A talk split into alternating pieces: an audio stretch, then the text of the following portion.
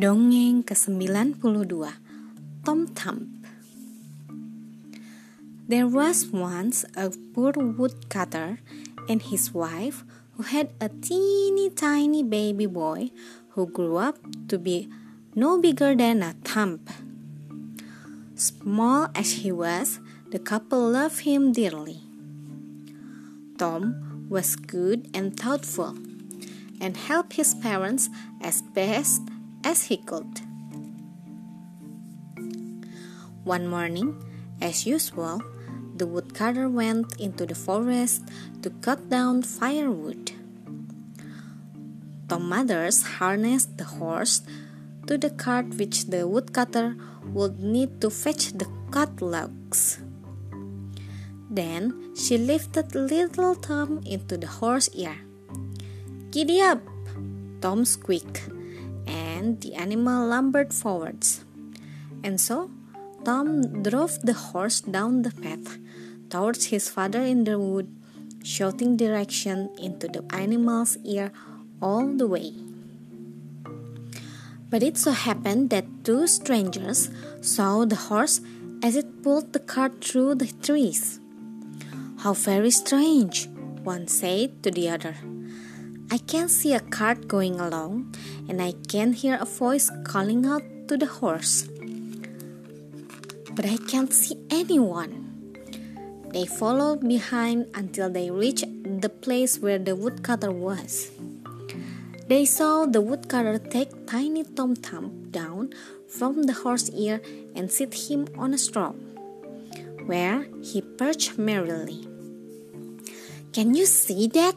It's incredible, one stranger remarked. Yes, and just think if we had that teeny boy, we could show him off for money and make our fortune, said the other craftily. So the strangers went up to the woodcutter and asked him what price he would take for the little man. Sell him? cried the woodcutter, quite horrified. Of course I won't. He's my son. But Tom Thumb pressed up his father's coat into his shoulder and whispered in his ear, I have an idea, father. Sell me for as much money as you can. Don't worry, I'll come back to you. I promise. So the woodcutter thrust his tiny boy and sold him to the stranger for a whole bag of gold pieces. Tom Thumb said a cheery goodbye to his father and hopped up onto one of the stranger's hat, and off they went traveling down the road. The strangers walked till the sun was high in the sky. Then Tom said, Let me get down for a bit to stretch my legs. So the man took off his hat and put Tom down by the side of the road. And he instantly ran off of sight. The strangers searched and searched, but they could not find Tom, for he had disappeared down a mouse hole. So they were forced to go on their way without him, sulky as can be.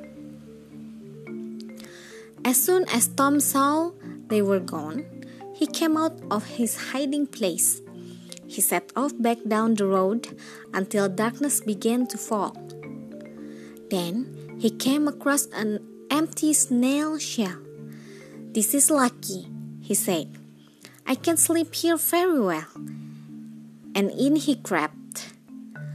Bright and early next morning, Tom set off towards home once more. But alas, he didn't hear a word a wolf creeping up on him from behind, till it was too late and he had been swallowed in one gulp. From inside the wolf's stomach, Tom felt the animal start to run in great bounds. He thought hard and quickly came up with a plan. My friend, he called out as loud as he could. I know where more tasty treats are to be found. The wolf was much surprised that something in his stomach was speaking to him, but he was very curious. Tell me more. whoever you are, he replied. So, Tom described his parents' cottage and where it was. When you find it, you can crawl to the drain into the kitchen and then into the pantry, he suggested. There you will find ham, beef, cold chicken, roast pig, cakes, apple cider, and everything that your heart can wish. For Tom was sure that the pantry would be well stocked now his parents had the bag of gold. The wolf did not need to be told twice. He sped away to the woodcutter's cottage, and that night, when Tom's parents had gone to the bed and the house was dark and still, he crawled through the drain into the kitchen and into the pantry. There, he ate and drank to his heart content. Then, he tried to squeeze out the way he had squeezed in. But he found that his stomach was now so big and full that he just would not fit no matter how hard he tried. That was just what Tom had counted on, and now he began to shout at the top of his voice Mother! Father! It's me! Tom! I'm inside the wolf in the pantry! Will you shut up? snarled the wolf. He leapt about in a panic, and in doing so, he made such a clatter, knocking jars and bottles off the shelves that he made even more noise than Tom. The woodcutter and his wife woke and went down to the pantry to see whatever was causing, causing commotion. They peeped through a crack in the door and saw the wolf bounding about. But the woodcutter was not afraid. He was overjoyed to hear his son's tiny voice crying out, Father, Mother, I am here. The wolf has swallowed me.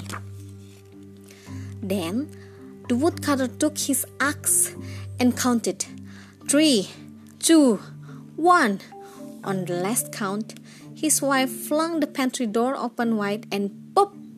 The woodcutter bashed the wolf on the head with the handle of the axe, and the creature fell down dead. The woodcutter carefully cut open the animal's body, and out jumped Tom Thumb, alive and well. Then the woodcutter and his wife hugged and kissed their tiny boy and promised they would never be parted again. They gave him plenty to eat and drink and dressed him in smart new clothes. For now, they did not have to worry about money, and Tom Thumb was quite happy to never leave his parents again. He felt he had seen quite enough of the world and had decided there was no place like home. Sekian, terima kasih telah mendengarkan. Selamat malam. thank you